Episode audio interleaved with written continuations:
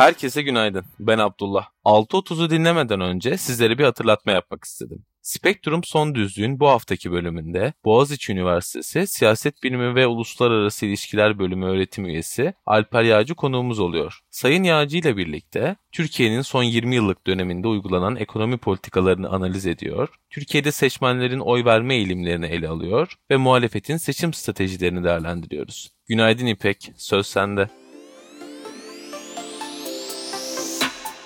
Günaydın Abdullah. Umarım iyisindir. Hatırlatman için teşekkür ederiz. Sevgili dinleyenler, Eylül ayına girdik bildiğiniz gibi. İş güç tempomuz arttı, koşuşturmacalar başladı, okullar açılıyor, herkes şehre geri dönüyor, heyecan ve kaos başlasın. İstanbul'da enflasyon son 24 yılın rekorunu kırdı. Cumhurbaşkanı Erdoğan öğretmenlerin uzmanlık sınavına yönelik boykot çağrılarını eleştirdi.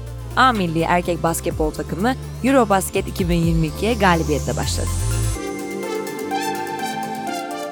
Bugünün bülteni Arçelik destekleriyle ulaşıyor. İçme suyunuzun 7-24 kolay ulaşılabilir olduğundan, her an taze ve saf olduğundan, her seferinde aynı lezzetli olduğuna emin olmak ister miydiniz? Tüm bu problem ve endişeleri düşünen Arçelik, yılların tecrübesi ve güvencesiyle şimdi iyi ve lezzetli suyu 7-24 evinize getiriyor. Ayrıntılar bültende. Piyasalar ve ekonomi Türkiye Cumhuriyet Merkez Bankası net uluslararası rezervleri 26 Ağustos'ta son bulan haftada 1,2 milyar dolar azalarak 12,6 milyar dolar seviyesine geriledi. Böylece net rezervlerde 2 hafta içinde 3,06 milyar dolarlık gerileme gözlemlenmiş oldu. İstanbul Sanayi Odası İSO tarafından yayınlanan Türkiye İmalat PMI'yi yani satın alma yöneticileri endeksi Ağustos ayında 0,5 puan artışla 47,4 seviyesine yükseldi. İstanbul Ticaret Odası İTO tarafından yayımlanan İstanbul Ücretler Geçinme İndeksi verilerine göre İstanbul'da enflasyon Ağustos ayında yıllık bazda %99,9'a yükselerek 24 yılın zirvesini kaydetti. İndekste aylık bazda artış ise %2,2 olarak hesaplandı. ABD Merkezli Yatırım Bankası Goldman Sachs, Türkiye için 2022 yılı büyüme tahminini %3,5'ten %5,5'e yükseltti. Avro bölgesinde işsizlik Ağustos ayında 0,1 puan düşüşle %6,6 seviyesine gerileyerek Mayıs ayındaki seviyesini tekrarladı. İş Dünyası Albayrak Holding'e ait Trabzon Liman İşletmeciliği, Rusya merkezli Donsip ile kömür sevkiyatına dair lojistik anlaşması imzaladı. Donsip'in 31 Ağustos 2023'e kadar kömürlerini deniz yoluyla taşımak, depolamak ve dağıtmak için limanı kullanacağı aktarıldı. Lufthansa, Vereinigung Kokpit Sendikası'nın ücret görüşmelerinden sonuç alınamadığını ve pilotların bir gün sürecek greve gideceğini açıklamasının ardından 800 uçuşunu iptal etti. %5,5 oranında ücret artış talebiyle başlatılan grevin 134 bin yolcuyu etkileyeceği bildirildi.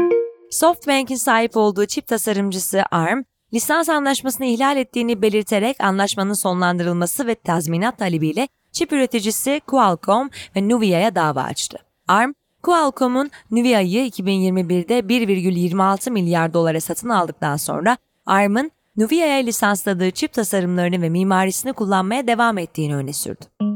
Starbucks'a çeşitlilik, eşitlik ve kapsayıcılık politikaları nedeniyle dava açıldı. National Center for Public Policy Research'in içlerinde geçici CEO Howard Schultz'un da olduğu 35 yöneticiye açtığı davada yöneticilerin siyahi ve farklı etniklerden çalışanları işe alma hedeflerine bağlı prim aldığını, bunun da ırk odağında kararlar alınmasına, azınlıklara avantaj sağlanmasına ve ırkçılığa dayalı ayrımcılığa yol açtığını öne sürdü. Politika Cumhurbaşkanı Erdoğan yeni adli yıl açılış töreninde yaptığı konuşmada birileri maalesef ülkemizin adalet sisteminin nerelerle bağlantılı oldukları az çok tahmin edilen suç çetelerinin kirli oyunlarına kurban etmek için var gücüyle uğraşıyor, dedi. Öğretmenlerin uzmanlık sınavına yönelik boykot çağrılarını eleştiren Cumhurbaşkanı Erdoğan, bırakın artık bu boykotu boykotu, sizler eğitim öğretim mimarı mısınız yoksa sokaklarda çapulcu olarak dolaşanlar mısınız ifadelerini kullandı.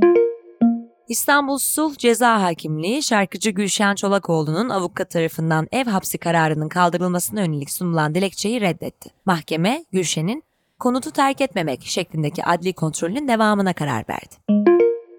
HDP eş genel başkanı Mithat Sancar, şunu söylüyoruz. Gelin bu ülkeyi demokrasiye, Adalete ve barışa götürecek yolu açacak bir programın temel ilkelerinde uzlaşalım ve seçimi birinci turda açık farklı kazanalım sözleriyle muhalefete ortak Cumhurbaşkanı aday çağrısında bulundu.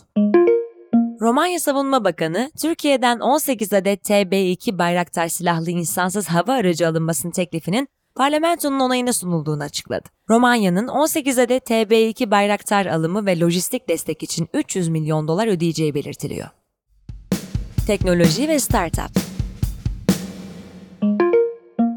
ABD'nin Nvidia'nın A100 ve H100, AMD'nin ise MI100 ve MI200 grafik işlemcilerinin Çin ve Rusya'ya ihracatını yasakladığı bildirildi. Özellikle de yapay zeka ve yüksek işlem gücü gerektiren işlemlerde kullanılan bu grafik işlemcilerin Çin ve Rusya ihracatının ancak Nvidia ve AMD'nin ABD hükümetinden özel bir lisans alması halinde mümkün olacağı aktarıldı. Twitter'ın bir süredir gündemde olan ve tweetlerin atıldıktan sonraki 30 dakika içerisinde düzenlenmesine olanak tanıyan yeni özelliğinin bu ayın sonlarına doğru Twitter'ın aylık 5 dolara mal olan abonelik hizmeti Twitter Blue abonelerin kullanımına sunulacağı duyuruldu. James Webb Uzay Teleskobu ilk olarak 2017'de keşfedilen Jüpiter'den 6 ila 8 kat daha büyük kütleli HIP 652426b öte gezegenini fotoğraflayarak ilk kez Güneş sistemi dışında bulunan bir gezegenin fotoğrafını paylaşmış oldu. Birleşik Krallığın Rekabet ve Piyasalar Otoritesi CMA, Microsoft'un Activision Blizzard'ı satın almak için sunduğu 69 milyar dolarlık anlaşmayı gerçekleştirmek için henüz bir güvence sağlamadığını belirterek endişeleri giderecek teklifler sunmaları için şirketlere 5 günü süre tanıyacağını, tekliflerin yetersiz olması durumundaysa anlaşmaya yönelik yeni bir inceleme başlatacağını bildirdi. Spor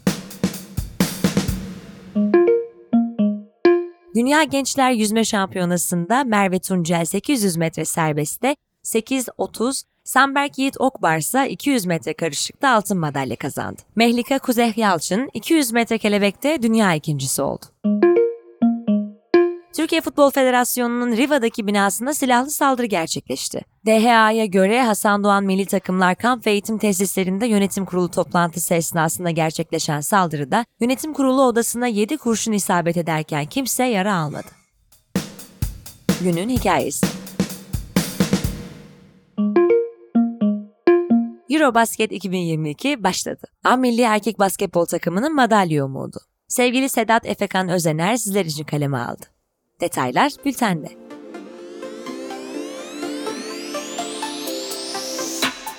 Evet sevgili dinleyenler bir bültenin daha sonuna geldik. Sizlere şimdiden harika bir hafta sonu diliyorum. Ben bol bol dinlenmeyi hedefliyorum. Çarşamba günü tekrar görüşünceye dek hoşçakalın.